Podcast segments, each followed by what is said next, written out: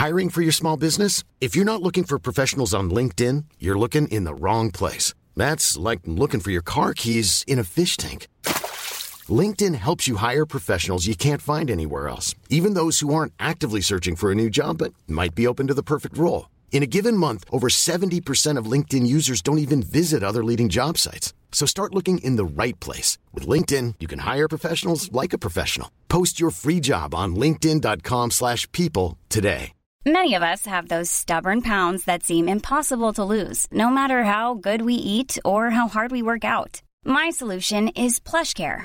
PlushCare is a leading telehealth provider with doctors who are there for you day and night to partner with you in your weight loss journey. They can prescribe FDA-approved weight loss medications like Wagovi and Zepbound for those who qualify. Plus, they accept most insurance plans. To get started, visit plushcare.com slash weight loss. That's plushcare.com slash weight loss.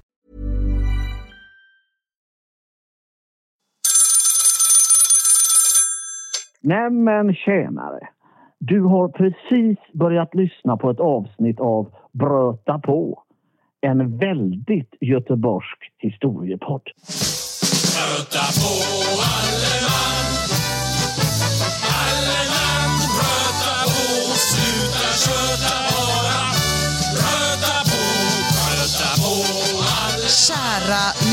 lyssnare, du lyssnar ju på Bröta på med mig Ina Lundström och med Christian Wedel. Ja, och nu är det sista avsnittet under vår jubileumssäsong. Det stämmer bra, det är det. Den här säsongen är ju lite speciell. Istället för att bara bröta på i alla riktningar och håll samtidigt så har vi i år bestämt oss för att utdela lämpliga 400-årspresenter till staden i våra hjärtan. Och det kan vara presenter i vilken form som helst. Det kan alltså vara eh, smör, ost och sill eller det kan vara som vi hade i vårt förra program, integration. Alltså det är högt och lågt och abstrakt och konkret.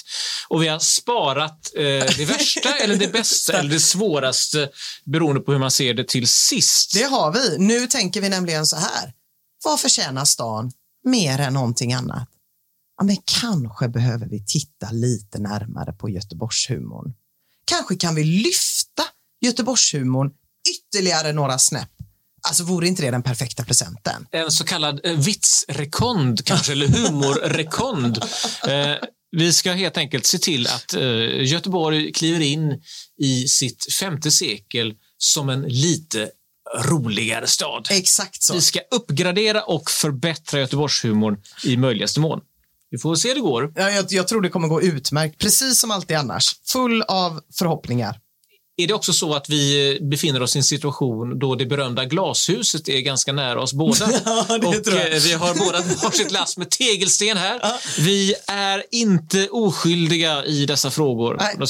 Tvärtom så bär vi på en ganska, eh, ett ganska tungt skuldkonto. Ja, så är det ju. Vän av ordning skulle ju kunna säga, okej, men om ni två vill ha mer Göteborgshumor och eftersom att en viss del av er bättre Göteborgshumor och eftersom att en inte liksom helt oansenlig del av era yrkesliv går ut på att leverera Göteborgshumor i olika sammanhang, då kan det väl bara bli lite bättre. Då kan ni la skärpa er. Ja, men Så skulle man väl kunna tänka om man var supertråkig. Absolut, och det, då, alltså tänker vi inte så. Va? Nej, det gör vi inte. Vi tänker på, vi tänker på, på något annat sätt. Ja, jag. Men, men eh, du bad ju mig att inleda det här programmet med en liten exposé över Göteborgs humor Alltså- under 400 år. Och jag vill bara säga med en gång, eh, utan omsvep och rakt och hederligt, att det här har jag skändligen misslyckats med. Och jag tror att det, det, det ligger i själva, själva sakens natur att humor är ett slags ögonblicksverk. Det är inte någonting som, eh, som man konserverar. Nej. Det är inte någonting som lämnar några djupare spår i protokoll och sådär.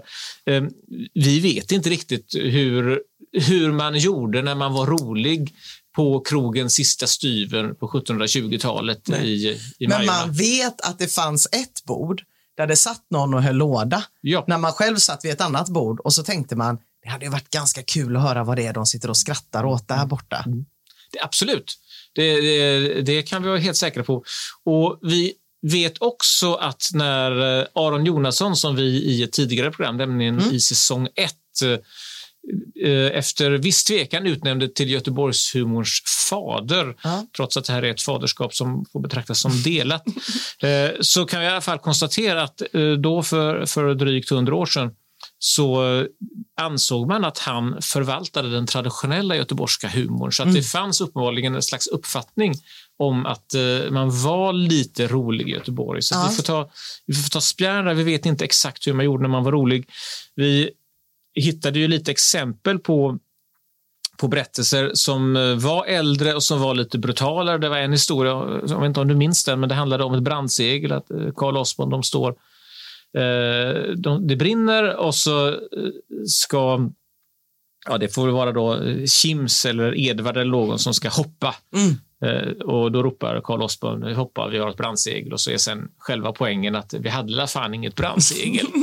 vill säga han slog så förskräckligt han hoppade. Ja. Det här är ju inte eh, kanske någonting som vi är vana vid att betrakta som så förskräckligt roligt.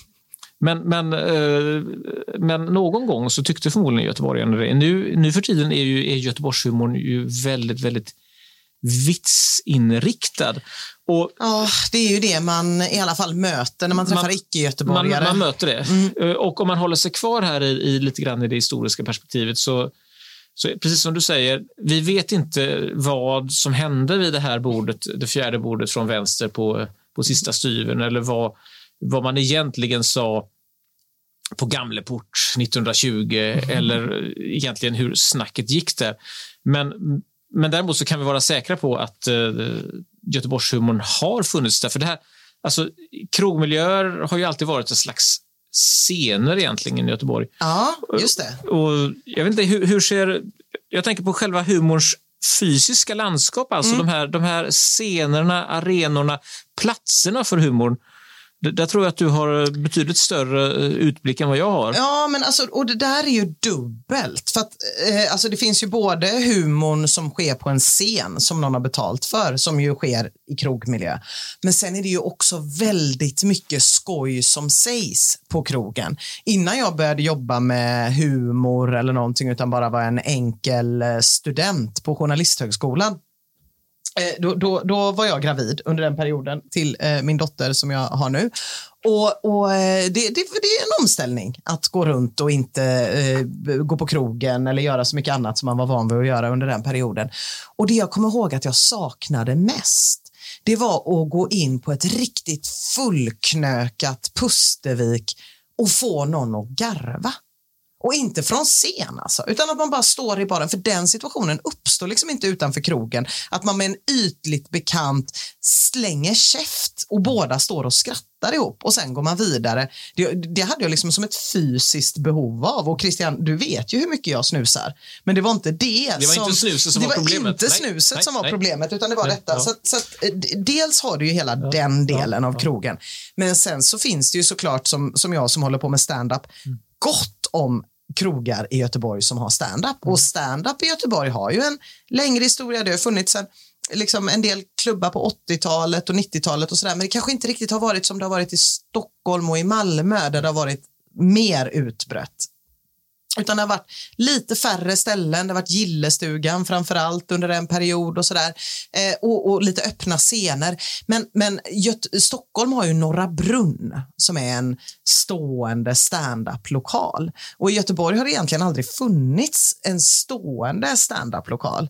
Och det tror jag den här stan hade mått bra av. Liksom. Och gärna en, den jag ser framför mig då, den har, den har flera olika typer av scener. Så den har en pytteliten med kanske 20 platser som är tok-experimentell där någon går upp och spelar näsflöjt och man har ingen aning om. Det kan vara som en blandning mellan jazzklubben Brötts, eh, gamla The Shop på Nefertiti och eh, bizarr humor. Man vet inte, man drar på sig säkerhetsbältet och vet inte vad som händer när man kommer in där. Ja, jag kan faktiskt spela näsflöjt. Eh, jag Inom parentes nämna här om det, om det, skulle, eh, om det skulle dyka upp något i evenemangskalendern. Här Jag ser premiären Ja, ja. eh, arta sig. Och sen så har du en lite större scen där du kanske kan ta, eh, ja men ska vi säga en 80-100 personer, en sån här optimal stand-up-scen. Och en optimal stand-up-scen, den har lågt i tak så skrattet riktigt studsar mellan väggarna och man bullrar sig ordentligt där. Och det finns ingen sån här bökig toalett där man måste gå igenom publiken, utan allt är liksom byggt för att en person ska vara rolig på scen.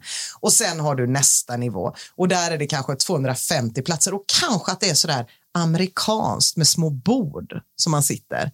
Det alltså hade man haft ett sånt ställe så tror jag att eh, man hade kunnat få fram mycket bredare humor, mycket mer olika typer av humor. För mycket av de scenerna som finns för att framträda humor på Göteborg nu, det är antingen teaterscener och där får du vara ett hyfsat etablerat revysällskap eller stand-up-scener för Göteborg Ja, eller stand-up-scener för Stockholmskomiker som kan sälja 600-700 biljetter på ett bräde. Så man skulle behöva ha de här liksom fysiska platserna lite däremellan. Det hade jag, ja, jag blir alldeles drägglig bara jag tänker på det. Och kanske att man kan knyta ihop det med gammalt och att det finns bilder på Sten-Åke Cederhök när man kommer in och att det liksom eh, blir som ett humorpalats och museum i ett. Det, det hade jag velat ha. Kan det vara så att eh, vi här anar att det finns två, ska jag säga, två olika traditioner som, som bara skenbart är, är gemensamma? Nämligen att vi har å ena sidan en slags eh, teatertradition där vi Ja. länge har haft teaterscener. Å andra sidan så har vi stå-upp-traditionen som egentligen är sprungen ur krogmiljöer. Mm, Alltså att du, eh, du berättar en historia för några vänner. Ja. Och, um, eh, nu var inte Evert Taube ståuppkomiker, men, men jag har... Jag har Men nära nog. Ja, nära nog. Nära nog ja. All, alldeles nyligen så, så eh, har, har man börjat ge ut hans samlade brev och då, eh, den första volymen kom nyss. Och där kan man då läsa om hur han då, eh, när han, när han slår igenom som scenartist, eller man, det är ju faktiskt så här att han han mm, ganska motvilligt eh, blir scenartist. Han vill ju först vara målare och sen vill han vara seriös författare. Och detta att eh, kliva upp på scenen är, är något som han e- egentligen gör som en, som en nödlösning för att han är pank och ingen längre vill låna ut pengar till honom. Men i, i de här breven som är, som är väldigt fascinerande och fina och jag vill också säga att han var göteborgare naturligtvis, Evert Ja, ja, ja, ja. Det behöver vi inte diskutera vidare. Nej, det, det är ändå, måste, måste ändå fastslås. Nej, men där är det så tydligt hur eh, gränsen, övergången från att sitta i ett sällskap på Gyllene Freden eh, och eh, spela en visa för detta sällskap på Gyllene Freden och att sedan spela samma visa på Gyllene Freden fast eh, på något sätt som en del av en, en, eh, ett, ett bokat evenemang. Ja, just det. Ja. är, är, alltså det, det, är en, det är så hårfint och i Evert Taubes fall så blir till slut hela livet en scen. Liksom. Ja, ja. Eh, och eh, och det, det du beskriver här, eh, när, när, du, men när du din, den craving du hade, gravida kvinnor kända för sina cravings, var alltså då inte snus eller att du ville äta, äta murbruk eller något sådant, utan det var ju att du ville, ville göra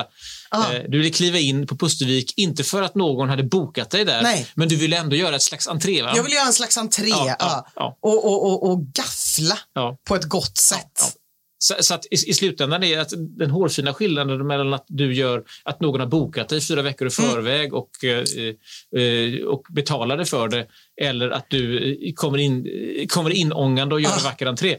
Till slut så är det väl den, den, den enda skillnaden är väl till slut att i, i det andra fallet så är det du som betalar själv. Precis, och det för oss till en viktig punkt och en viktig grej för Göteborgs eh, humorn. För att, alltså, eh, väldigt få, och för att inte säga inga, alltså, de roligaste människorna jag känner, de jobbar ju inte med humor. Mm. Alltså de väldigt roliga, roliga människorna, de är högst nöjda med att göra det de gör på dagarna och så är de bara fantastiskt roliga däremellan. Och det är ju härligt och, och, och sådana finns det väldigt gott om i Göteborg. Men sen finns det också väldigt många människor som är väldigt roliga och jobbar med humor men de kan svårligen jobba i Göteborg. Alltså det är väldigt svårt att vara någon slags tramsbyxa och uppehålla sig i den här stan. Jag, jag, jag skulle inte beskriva dig som en tramsbyxa, Christian, Så gärna.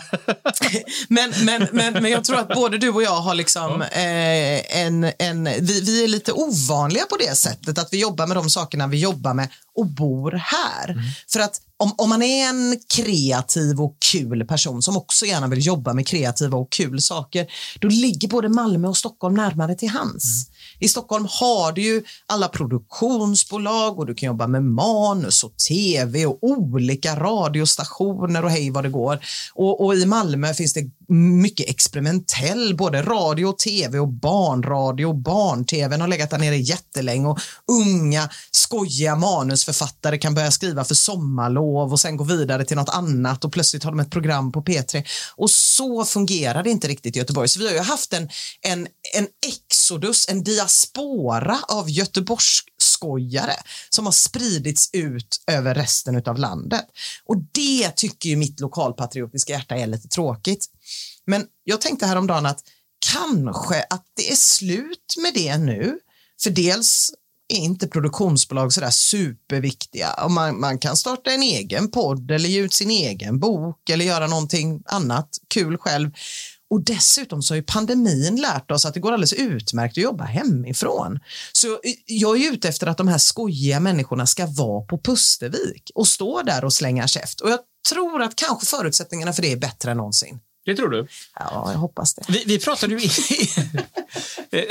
ja, du har nästan övertygat mig. Vi pratade inför det här programmet eh, om att eh, vi skulle försöka hitta en, en ny riktning när det gäller Göteborgshumor. Och då vet jag att Eh, på eh, listan över åtaganden som jag då eh, skulle sköta var att jag skulle kontakta Göteborgshumorns nestor i Göteborg, nämligen Sture Hegerfors, och så skulle jag fråga honom lite grann om hur, hur man skulle kunna tänka sig framtiden. Det har jag naturligtvis grovt misskött. Jag har inte gjort detta. Men av en eh, kosmisk och fantastisk tillfällighet, eller också så beror detta på clairvoyance, alltså eh, tankeläsning från Sture Hegerfors sida, så kom igår med posten just när jag började fundera över att jag inte hade skött detta, så kom en liten bok, en helt färsk bok skriven av Sture Hegerfors. Ja, fantastiskt. Eh, och eh, den har den konstigaste titel jag någonsin har sett en bok ha. Den heter nämligen Frågetecken utropstecken. Mm -hmm. eh, jag vet inte hur jag annars ska uttala det, men det är ett, eh, bokens titel är, titel är ett frågetecken och ett utropstecken. Och det är en intervjubok där Stellan Nelmark ställer frågor till Sture Hegerfors och de resonerar bland annat om Göteborgshumor. Du ska få höra oh, vad de snackar om. Men först, först, Ina, så har vi faktiskt något som vi också har försummat, nämligen jubileumsfrågan, den oh. sista för det, denna säsong. Ja, alltså jag, hur ska jag klara mig utan? Det kan bli så att jag ringer och kräver fler. Du känner till reglerna, du minns reglerna? Ja, jag minns reglerna mycket mm. väl. Jag har ett ganska snävt tidsfönster att gissa på. Eller jag känner till reglerna mycket väl. Jag ska gissa ett årtal. Du ska gissa ett årtal. Ja. Och då är det ordnat på det viset att det kan uh, vara antingen ett årtal på 1600-talet eller 1700-talet, 1800-talet eller 1900-talet. Just det. Och om det är 1900-talet behöver jag sätta det med femårig press, alltså inom fem år. Ja, du har ett tidsfönster på tidsfönster fem på fem år. år. På 1800-talet har jag ett tidsfönster på tio år. Som flitiga lyssnare av podden vet att jag inte utnyttjade i förra avsnidet eftersom att jag satte året. Exakt. Exakt! Ja, där fick jag Året sagt var 1889 och du gissade på 1889. Eh, på 1700-talet har jag ett tidsfönster på 25 år. Mm. Rymligt och härligt. Och på 1600-talet 50 år. Mm, också rymligt, ja. Ja, det känns bra. Så eh, nu gäller det då att försöka ja, nagla fast detta. Jag har ju lite sista. hybris ja. nu efter förra veckan. Ja. Eh, det är, förra veckan var alltså svaret 1889 och där var du ute på ganska vildsinta seglatser eh, i dina resonemang, och, men lyckades slutligen landa på exakt rätt ja, var, år. Nu ska vi se hur det går den här gången. Ja. Då här har vi alltså ett årtal att gissa på. Eh, eller jag gissar du ska eh, genom, genom briljant Sherlock Holmes slutledningsförmåga ta dig fram till rätt år. Mm. Den, 24, den 24 februari detta år tillsatte regeringen en kommission som skulle presentera lösningar till hur Götaverkens finansiella problem skulle kunna lösas. Mm. Jag läser den igen. Den var lite, lite krånglig när ledtråden, men jag läser den en gång till. Den 24 februari detta år tillsatte regeringen en kommission som skulle presentera lösningar till hur Götaverkens finansiella problem skulle kunna lösas. Nämen. Du brukar väl inte vara och tassa så nära samtiden, tänker jag. Jag säger inte uh, vad jag är tassar. Nej, du säger inte vad du är och tassar, för nog kan det ju vara så att det finns ett Götaverken det fanns ett Götaverken på 1700-talet som hade finansiella problem och det här är någon slags luring. Så jag skulle absolut aldrig gissa på den här nivån, även om jag hade blivit så glad över att först eh, förra veckan och denna veckan att liksom verkligen sluta på topp. Eh, hade jag varit tvungen att säga ett svar nu så hade jag sagt år eh, 1973. Eh, Men jag tänker absolut inte ge ett svar nu, för jag tänker att detta är någonting helt eh, annat än vad jag tror att det är just nu. Så att, eh, vi pausar än så vi, länge. Vi pausar. Vi pausar. Och eh, under tiden så återgår vi till den här eh, förträffliga lilla boken Ja, där Stella Nelmark har ställt frågor till Sture Hegerfors. Och det var ju så att jag, jag skulle ha ringt till Sture Hegerfors och istället så landar denna bok i min brevlåda. Eh, där jag tycker att det, det, det intressanta är att de här resonemangen som han för här om Göteborgsvitsar eh, visar att eh, inte bara att det finns ett behov av förnyelse utan också att vi är på väg att nå någon typ av, av eh, vi är på väg att nå vägs ände om jag så uttrycker saken. Eh, här beskriver och det han- betyder något när det kommer från Sture Hegerfors. från Sture Hegerfors betyder, betyder det någonting. Eh, nej, men, eh, han skriver om vitsandet, eh, och jag citerar honom här, att eh, vitsandet är fortfarande en Göteborgs angelägenhet men övriga Sverige har börjat knappa in. Dagens Nyheters lätta sida Namn och Nytt publicerar vitsar i stort sett dagligen och sedan några år finns ett SM med ordvits med deltagare från hela landet. I början sopade min flitige tipsare Anders Nielsen från Örgryte banan med alla de övriga. Men till exempel 2017 vann en kille från Örebro. Det vill säga, här anar vi att de här vitstävlingarna som är ett på sätt och vis ganska mekaniskt sätt att eh, leka med ords dubbeltydighet. Eh, de, eh, det är inte längre självklart att göteborgare vinner där. Nej, de är inte bäst i. Vi är inte bäst i klassen, inte bäst i nödvändigtvis längre. Och då kan vi antingen, eh, antingen så kan vi naturligtvis eh, eh, gå i clinch med detta och eh, starta friskolor med vitsprofil för att bli bäst i klassen. Låter ju högst rimligt faktiskt. Eller också så, eh, så kan vi kanske, för att nu helt enkelt titta på, på själva scenariot, inse att de här vitsarna är kanske trots att inte den högsta kulturformen. Men kanske inte, alltså, kanske inte. Det, det som enda som talar emot dem är ju att de oftast levereras under förevändning att det här är inte kul egentligen. Det här är inte kul egentligen, men det, och det är ett, det är ett stycke, även för Även personer utan humor eh, kan så säga, bryta ner vitsen, begripa den på ett slags rebusnivå. Ja. Det betyder att de förstår när vitsen har börjat och de förstår när vitsen är slut. Ja. Och då kan de också imitera humor genom att till exempel låtsas skratta. Ja, och mycket av det som jag kan tycka är väldigt roligt med humor, jag tycker det är väldigt roligt när humor eh, eh, sp- springer ur gemensamma erfarenheter och vi, vi, vi pratade om det i förra avsnittet om integration, att det är väldigt härligt att liksom få, bli, få bli insläppt i värmen på något sätt genom att eh, det skojas om en och, och, och, och att man delar någon slags referenspunkt tycker jag är härligt. Jag tycker också det är härligt med ett visst mörker i humor. Och det, det roligaste jag vet är nästan när någon berättar någonting som jag sen inte kan hålla mig från att berätta vidare för att det är så kul Så är och spexigt och hisnande. Och så är det sällan. Det är sällan jag har en, en vits, en ordvits och tänker den där måste jag berätta vidare. Den finns i stunden och sen är den borta. Ordvitsen finns i stunden ja, och eh, den rymmer väl aldrig det mörker som du efterlyste. Nej, Eh, det, det svart humor och ordvitsar är inte någonting som riktigt eh, eh, förknippar med, med vartannat. Men jag tänker mig också att när man, när man hör stockholmare som berättar ordvitsar så det är ju, som göteborgare känner man alltid att det är något konstigt som skaver därför att det, man, det här, de här vitsarna, de här stockholmska ordvitsarna, de imiterar liksom Göteborgshumorn på något sätt.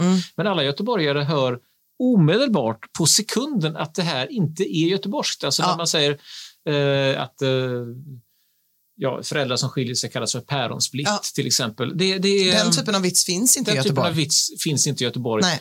Och, och det beror... Och säga Kanarieholmarna. Ja, nej, det är ju... eh, Det finns ju inte. Det finns, det finns verkligen inte. Nej. Detta, den här märkliga stockholmska benägenhet att och bedriva detta. Så att, så att um, nej men, därför, och man har också märkt det, eh, du har säkert träffat de här, de här lite eh, nästan vitsmissbrukartyperna. Ja, som inte alltid känns som att de mår helt toppen. Nej, de mår inte alltid är toppen. Nej. Men, om, om man, men som sagt om man, eh, om man alltså då... Vitsens fördel den är att den är, den är kort, den, den, eh, den, är, den har en, en tydlig början och ett tydligt slut. om jag säger eh, kungen är skadad i foten, han har tappat tron på sig själv, Mm. så, så, eh, så kan du lära dig den utan till. Ja. Och även om, även om du saknar humor så, förstå, så kan, du, Ja. kan, du, kan du med hjälp av någon typ av analys förstå att det finns en, finns en Det dubbeltydighet. blir där. väldigt tråkigt. Ja. Det blir som eh, väldigt många killar genomgår en sån fas i gymnasiet och en och annan tjej också faktiskt, eh, där musik ska vara så kvantifierbart Mm. och mätas med en sticka. Där man, om man är intresserad av hårdrock, pratar om vad det finns för eh, gitarr, exakt hur bra, rent objektivt sett, är den här gitarrspelaren jämfört med den här andra. Och om man pratar om hiphop så är det som, men exakt hur många fyrstaviga rim klarar den här rapparen av jämfört med den här? Och om man pratar om jazz, då kan det vara liksom exakt hur långt kan du gå från eh, ja, grundlåten och ändå höra att det är hur, hur svårt är det att göra detta och att man därmed skulle kunna säga hur bra det är eh, eller att det skulle kunna just gå och haka ner till, liksom staka ner till enstaka grejer så. Det är ju att beröva sig själv ganska mycket härlighet. Det Vilket det. gymnasiekillar och en och annan gymnasietjej inte tycker är så svårt. Ja, och att eh, eh, och, även när man är kanske inte riktigt längre går i gymnasiet utan är 22 eller 23 år gammal. Så åtminstone minns jag eh, mitt liv från den tiden som, som en, en påfallande lång sträcka av, av eh, gräl med mina vänner om eh, vem som var bäst, eh, John Lennon eller Paul McCartney. Ja. Och att man på fullt allvar liksom inte kunde gå och lägga sig förrän man hade Nej. nått en uppgörelse. Där. Det ansåg, det var, eh, man kunde inte nöja sig med att någon föredrog Paul McCartney och någon annan föredrog Nej. John Lennon. Utan det, det här var liksom en konflikt som måste, som måste lösas. Och det är det som gör dagens avsnitt lite svårt. För att det går inte att säga exakt så är det, exakt därför är detta roligare, exakt av den här Nej, anledningen är inte vitsar kul. Utan vi vill kanske snarare inspirera till att eh, öppna upp för ett lite bredare spektrum bara. Just det, en, an, en annan typ av, uh, av berättelser. Mm. Men du, du eh, vi, vi har, jag tänkte jag ska, jag ska ta en ledtråd till Gärna när, det. när vi ändå är igång här. Mm. Um, vi har ju, du fick ju höra att en kommission som skulle presentera lösningar till hur Ja. Götaverkens finansiella problem skulle kunna lösas Mm. tillsattes då detta år den 24 februari. Um, och du framkastade då tanken att det skulle kunna finnas eh, ett, ett, ett företag med namnet Götaverken som har funnits långt tidigare i Göteborgs historia. Ja, att det är någon luring det här. Ja. Ta- Tanken är inte så dum. Så, sånt, sånt förekommer ju. Till Mm. exempel, vi sitter ju här i Göteborgs-Postens studio och eh, det kom ju ut en tidning som heter Göteborgs-Posten redan 1813. Ah. Då eh, kronprinsen, som det hette, ankom i högönsklig välmåga till Göteborg. Men, men inte var den tidningen någonting som har någonting med dagens Göteborgs-Post att göra. Så att absolut, sånt där händer ju. Ja. Eh, nu får du ledtråd nummer två här eh, för detta år. Och det eh, här känner jag nog ändå att, eh, ja, vem vet? Kanske är det fortfarande ett problem, men jag säger det nu. Den 18 maj invigdes, den 18 maj invigdes Skandinavium. Mm. Skandinavium, ja. Åh, vad man har en svag relation till Skandinavium jämfört med till Ullevi. ha? Skandinavium.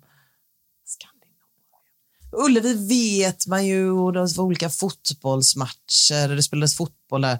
Det kanske var 59 eller något. Men Skandinavium, vad är det ens? Ha? Det, du, vad tycker du om att jag riktar min frustration mot Skandinavium men istället för att svara på Jag frågan? tycker att det, låter, det, det, det är ett, ett utmärkt sätt att bara kanalisera in denna aggression mot en plåtbyggnad. Att jag liksom insinuerar att jag tyckte det var lite fånigt av dig att ens ta upp Skandinavium Ja, det var- istället för att bara svara. det, ja, det var lite fisigt. Eh, Det var, det var ledtråd nummer två. Ja. Okej, men jag kan ju inte, jag kan ju inte vänta allt för länge med den här. Jag försöker se loggan framför mig. Nej, men vet du vad? Då tror jag faktiskt att Skandinavium byggdes och jag har fem år på mig på, på 70-talet. Eh, förlåt, på 90-talet har jag fem år på mig. 1900-talet, ja. Ja, på 1900-talet. Ja, så då, då tänker jag att jag, jag kommer hata mig själv om jag säger fel. För att jag, å ena sidan så vill jag bara drämma till med så, 1976, mjau, boom, bra. Å andra sidan så vill jag ju också höra den sista frågan och jag vill ju inte göra bort mig för Götaverken kanske hade finansiella problem redan på 50-talet och då kanske Skandinavien byggdes. Oh, nej, det här är inte rätt att riska. Jag Det väntar. är inte rätt att riska. Jag Nej, väntar. Mm. bra. Du, jag tänkte eh, då medan, medan vi funderar på att ladda för ledtråd nummer tre här, Mm. att vi, vi ska ändå försöka ta oss vidare här. Vi nämnde ju inledningsvis att eh, detta sista ämne för säsongen, nämligen hur vi ska eh, skapa en roligare Göteborgshumor. En Göteborgshumor som vi med värdighet kan kliva in i Göteborgs femte sekel Ja. med. Eh, så är det ju så att till skillnad från eh, de andra gåvor som vi, eh, som vi mer eller mindre metafysiskt har försökt överräcka till Göteborg så är vi själva i högsta grad parter i målet här. Eftersom vi, och, eller som vi sa inledningsvis, vi sitter i ett glashus med varsin rejält tilltagen säck med tegelsten som vi nu har låtit singla iväg här under hela, den här, hela det här programmet. Eh, Vi är ju båda i underhållningsbranschen Eh, eh, Jag är musikant och berättar då ganska mycket vitsar. Eh, Mer eller mindre frivilligt från, från både min och publikens sida. Eh, Och du eh, har ju ännu mycket större erfarenhet naturligtvis av att stå på scenen. Men om vi nu skulle titta på detta eh, med att stå på en scen och eh, på något vis eh, försöka ägna sig åt Göteborgshumor. Mm.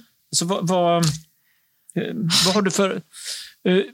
hur känner du där? Eh, Alltså, går det något vidare nu för tiden? Ja, jo, jo, jo. Men I stand-up så är det ju i regel eh, flera akter under en kväll. I alla fall när man är på den nivån där Mm. jag är på, där man inte är på liksom någon Johan Glans-nivå.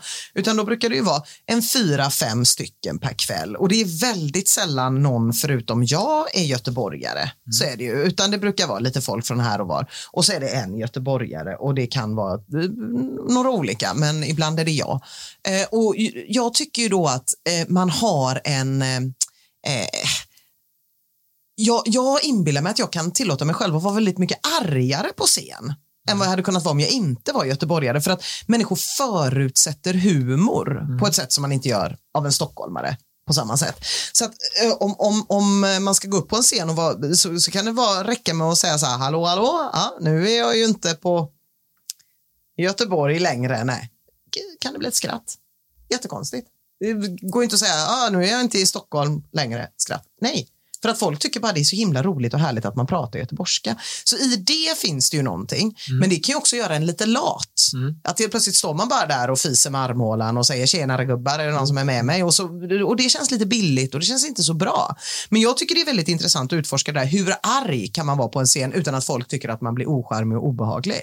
Utan fortfarande, fortfarande se framför sig en glad, fryntlig göteborgare som står och, och underhåller. Så det, det är ett tvåeggat svärd, Det är det. dubbeleggat svärd. Ja. Ja. Och, och det här är ju något, jag tänker på eh, komiker som ju ska ha med sig liksom hela kroppen Ja. i, i den här, den här tajmingen. Alltså att du ska, jag, jag, jag tänker på den här, det är, det är inte, ingen, Göte, ingen Göteborgs eh, personlighet, men den här eh, komikern Ulf Larsson. Mm. Han, han, eh, där jag tyckte att han, han, var, han var mycket roligare när han var tjock ja, än när han blev smal. Ja. Eh, Och, eh, och det beror inte enbart på att någon, någon sorts eh, liksom traditionell bild av att tjocka Tor Modén-personligheter på något vis skulle vara roligare, utan att han, att han eh, lite grann förlorade den här finkalibreringen Ja. eh, med, med, med sin plastik och sin, sin timing. Ja, men jag tror det, och det finns något avväpnande i att vara eh, rultig. Mm. På samma sätt som det finns något avväpnande och, och, i att vara göteborgare, tror Mm, jag. Ja, och Det är inte att folk förutsätter... Alltså, det, det, det, är till, till priset av att man kanske inte helt blir tagen på allvar. Mm. Särskilt inte med kombinationen rultig göteborgare. Men, men det gör också att man kommer in lite, man, folk blir vänligt sinnade och det är så himla viktigt inom humor. Inom stand-up är det så viktigt att direkt när man går upp på en scen lägga sig ner platt och visa att man inte utgör något slags hot eller tror någonting om sig själv. Eh, jag har fått höra, jag vet inte om det stämmer, men om man bara tittar på hur Henrik Schyffert brukar gå klädd i vanliga fall, i ganska stiliga kläder, och så ser man vad han har på sig när han kör stand-up, så är det mycket, mycket, my- mycket mycket mindre stiliga kläder. Eh, och, och det är klart att man kommer inte upp i sin dyraste skjorta nödvändigtvis. I så fall får man göra en grej av det. Men de flesta använder sig nog mycket av det gamla knepet att jag är inte farlig, så jag kan få säga taskiga saker om alla andra. Det du skisserar på är ju det som eh, det här numera väldigt eh, heta uttrycket persona. Va? Ja, ja, ja, ja. Att, att du har, du har en, eh, jag vet inte ens om jag använder det helt korrekt, men är det, är det en persona? Jag tror det. Och ja, oavsett vad vi kallar det så, här, så är det ju någonting som alla som arbetar med gestaltning i någon Ja. form, oavsett om du står på en scen eller om du Ja. skriver eh, och framförallt om du har ett, om du har ett närvarande jag i den här berättelsen. Då. Eh, jag som är kåsör har ju detta ofta. Mm. Så får man ju fundera över att, att när jag skriver ett kåseri så eh, finns det ett kåseri-jag. Mm. Och det jaget är, eh, det överlappar i rätt hög grad den som man är i, i den så kallade verkligheten, Mm. men bara, bara i någon mån. Ja.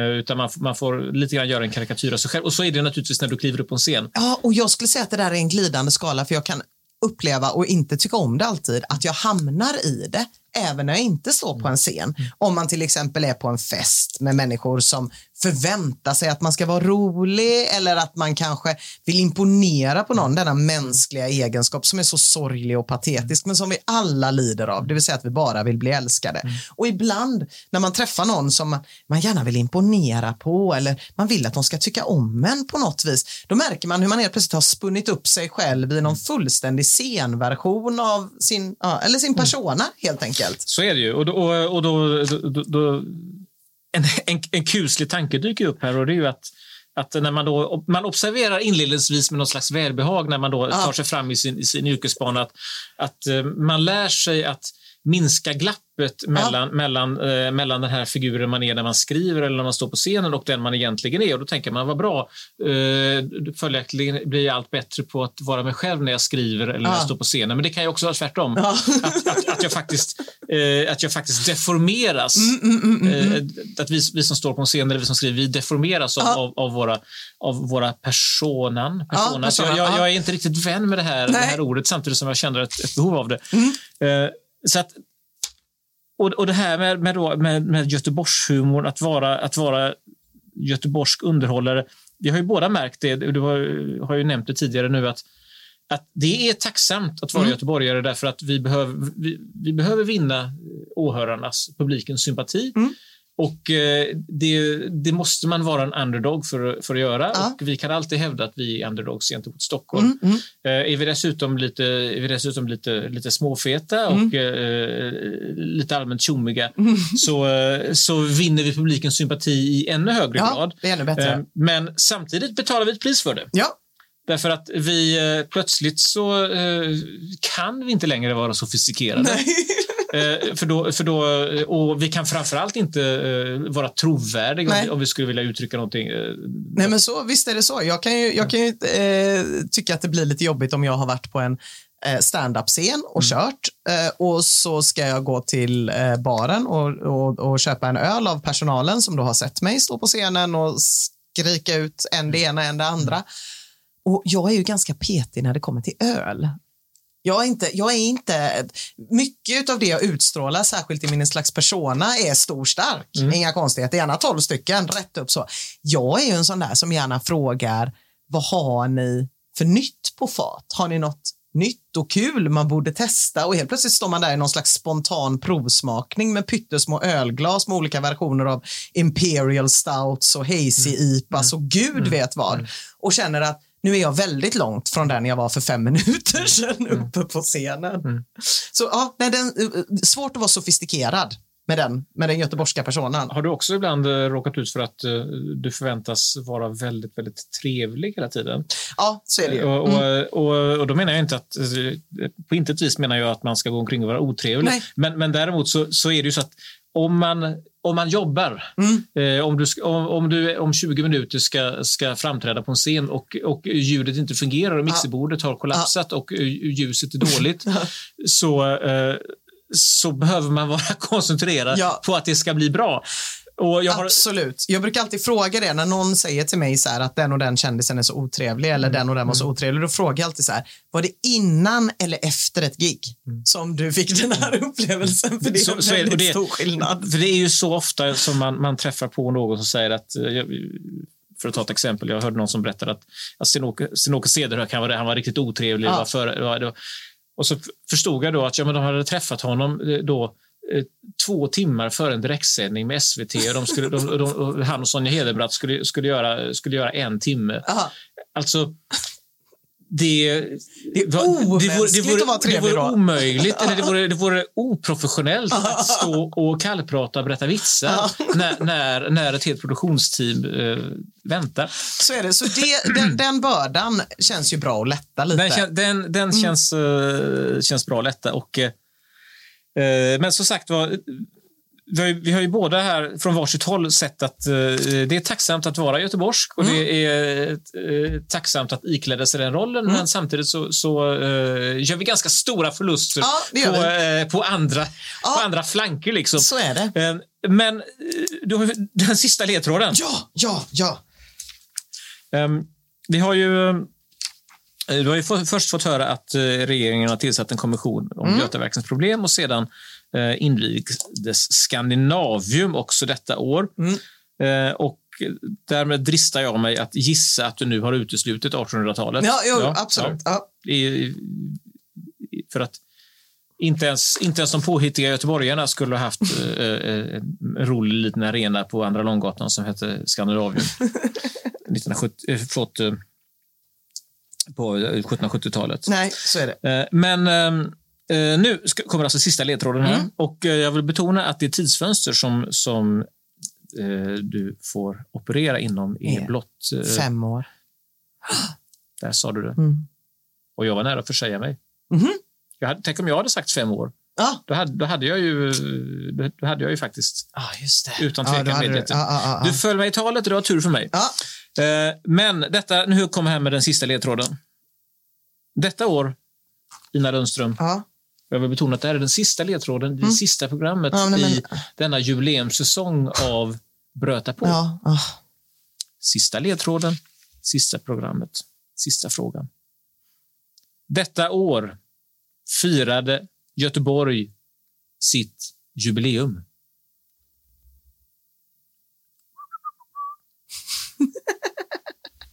firade Göteborg. Sitt jubileum. Okej, vad är Göteborg förutom stan? Det är väl Ostindiefararen Göteborg. Okej, och när firade den sitt jubileum? Det var ju då, men det är ju alldeles för nyss. Eller alltså, nu, nu spånar jag verkligen här, men det jag kommer ihåg var att man kunde köpa så här spikar och grejer, men det, då levde ju jag. Så det, det tror jag inte att det var. Mm. Mm, mm, mm, mm, mm. Och det är ju inte 350-årsjubileum. det märker du. Det skulle ju faktiskt kunna vara 350-årsjubileet, alltså när mest eh, uppmärksammat naturligtvis för att eh, Lasse Dahlqvist eh, skrev Välkommen till Göteborg till det året. Och då är det ju alltså 50 år sedan. Eh, om inte de också jobbade med den här jobbiga förskjutningen som alla jubileum i Göteborg har en tendens att göra. Och nu Christian Wedel, nu ska du få höra mig räkna, se hur det går i realtid. Eh, 2021, 50 år sedan, då drar vi bort 21 år, då är vi på 2000. Då ska vi dra bort ytterligare 29 år. Eh, 2000 minus 20 är 1980 eh, och så har vi nio år kvar att dra bort. Då är vi på mm, 1971. Kan jag leva med att eh, mm, mm, mm, mm, eller vänta, det här är, stämmer ju inte. Ni, jo, det stämmer. 1971. Kan jag leva med att Götaverken, ja, jag var inne på 73 med Götaverkens finansiella problem. Skandinavium invigdes, ja, men det är väl nyare än Ullevi, för jag har aldrig hört talas om något episkt som har hänt på Skandinavium någonsin. Alltså jag säger 1971. Ja! Underbart! Och den här, den här räkneoperationen den kommer att gå till historien, det måste jag säga. Men, Alltså, ah, ja, ja. svaret är 1971. Alltså, Ja, jag är lättad. Jag är lättad. Eh, kanske såg vi här ett exempel på Göteborgshumor. Vem vet? Vem vet? Vem Ja. vet? Eh, fantastiskt. Du, ehm, det, det enda vi har kvar då av den här säsongen det är ju att vi faktiskt eh, ska sätta ner foten när det gäller eh, hur Göteborgshumorn ska förbättras. Har, Ja, precis. För jag menar, jag drömmer ju om ett palats, men palatset handlar ju bara om människor som redan jobbar och det är betraktare. Det känns lite tråkigt. För vi har tecknat ett porträtt här av, av dels en, en, en göteborgsk humortradition som vi känner är sprungen i hög grad ur, ur krogmiljöer. Eh, sedan eh, är det ju det här, det här vitsandet. Där Vitsandet är en trygg hamn egentligen. För, Ja. för att uttrycka det bryskt så är det en trygg hamn för människor utan humor. Ja, Därför, absolut. därför att eh, vitsen är, den, den är avgränsad, den är begriplig och Mm. även en civilingenjör som är fullständigt humorbefriad eh, kan på något vis räkna sig fram till, analysera sig fram Ja. till, till poängen. Eh, samtidigt som vi, vi ser hur eh, Göteborgshumor i, egentligen har, har eh, trivialiserats Mm. av vitsandet därför att tidigare så fanns det ett mycket, eh, ett mycket bredare spektrum av, Ja. av Göteborgshumor som egentligen var Göteborgsberättelser. Ja, ja, ja. Alltså om man, om man nu tar en, en, eh, en, en stillsam sexistisk gammal Beda-vits Mm. eh, där, där eh, Beda går till doktorn och så och så eh, sätter doktorn stetoskopet mot Bedas rygg och så säger hon hur så kallade läppar doktorn har. ja. Eh, så, så är det en vits som den, den, är, den är problematisk på flera plan år 2021. Men eh, det som vi tar med oss för ögonblicket är att det är faktiskt ingen ordvits. Nej, det är det inte. Och den här, eh, den här historien om eh, Karl Osborn och brandseglet är inte heller det. Den, den Nej. är, den brutalare på, på ett ännu mer grundläggande sätt. Alltså då, då, det är alltså helt enkelt berättelser. Ja, det är det. Bra och roliga berättelser som Ja. inte bygger på en ordlek och som är svårare då att, att, eh, att liksom konservera och ha med sig. Ja. Men ja, det är ändå liksom den vägen vi måste gå och vi är själva skyldiga här. Vi har själva stått, vi har stått på scener Ja. eh, på hela västkusten Och vevat ut. och vevat ut vitsar. Mm. Och jag vet inte hur många gånger jag har, har eh, sagt jag ska dra lite toskkorn och en toskatårta. Eller eh, hur många gånger jag har sagt att eh, eh, ja, det spökar min lägenhet, du får gå med i hyresgastföreningen eller något sådant. Alltså det här, vet du vad det här är? Det här vitsandet, det är den lilla svarta. Ja. Det är den fantasilösa eh, lösningen på när man bara vill göra rätt. Ja, och då kan man alltid ta på sig något svart. Man kan ha det till vad som helst. Det är så enkelt, det är så smidigt. Ja, men hur kul är det? Alltså måste vi, och det här, är- det här är ju, det, det känns ju eh, eh, lite läskigt egentligen att ta, ta det här i båten. Men, Mm. men eh, det som krävs här, vi känner att det ligger i luften eh, och den väg vi måste gå, det är ju en så kallad detox. Ja, det är ett stålbad. En vits-detox. Mm, Eh, och vi har ett eh, jubileum år, vi har ett jubileum nu år 2021, Ja. men vi kommer ju sedan ha ett stort firande år 2023. Ja, som traditionen påbjuder. Att den är ett lite försenat firande, ja, men det, kommer ju, det, det, det verkliga räkfrossefirandet kommer ju då komma igång år 2023. Men följaktligen så måste vi ålägga oss Mm. Eh, Ett måste, vitsembargo. Ja, ett vitsembargo eller en, en, en vitsavgiftning här, Mm. en detox. Alltså att vi, vi ska, och det här är ju då en maning också till eh, den, de enorma skaror av lyssnare som vi har med oss, icke blott i Göteborg Aha. utan även på Lidingö och på andra centrala punkter i Sverige, att faktiskt bestämma sig för att eh, man åtminstone fram till år 2023 så ska vi vara roliga utan att använda den här kryckan, det här, den, här, den här livräddande mm. vitsen. Vi ska, vi ska inte retirera in Nej. i de här ordvitsen. Vi ska vara roliga ändå. Ja. Och, Alltså, jag tror inte det, vi har något val. Jag tror, inte vi, alltså, jag tror att människor som är roliga och, och alla de man känner som är roliga, de kommer hitta sätt att vara roliga. Och hur de sätten ser ut, det kan vi ju inte veta. Men vi kommer heller aldrig få veta så länge, som du säger, man har vitskryckan att luta sig på. Så bort med vitskryckan. Och så, nu, kommer alla, nu kommer det vara så här i sommar att folk går runt och är förvirrade. Vi förutsätter naturligtvis att alla i hela Göteborg lyssnar på den här podden. Människor kommer gå runt med tom blick och börja prata och komma på sig själva. Det kommer vara precis som det var i början av pandemin. Hur var det nu? Hälsade vi med foten eller var det med armbågen eller vinkade vi på håll? Jag vet inte exakt. Det kommer vara trevande och, och ganska obekvämt. Men ur det så kommer tror jag någonting nytt födas som varken du eller jag är klärvoajanta nog att sitta här och säga här och nu. Och det kommer väl bli då till eh, Bröta pås sjunde säsong eller något liknande. Ja, ja. 2023. Då ska vi smäller det. skörda frukterna. Då skördar vi frukterna av denna vitsavgiftning som vi tror är den enda vägen framåt till en sundare, hållbarare och roligare göteborgsk humor. Och därmed avslutar vi Det gör vi. sista programmet i denna tredje säsong, jubileumssäsongen av Bröta på. Det gör vi. Hej så länge och tack för att ni lyssnar. Tusen tack. Ha det bra.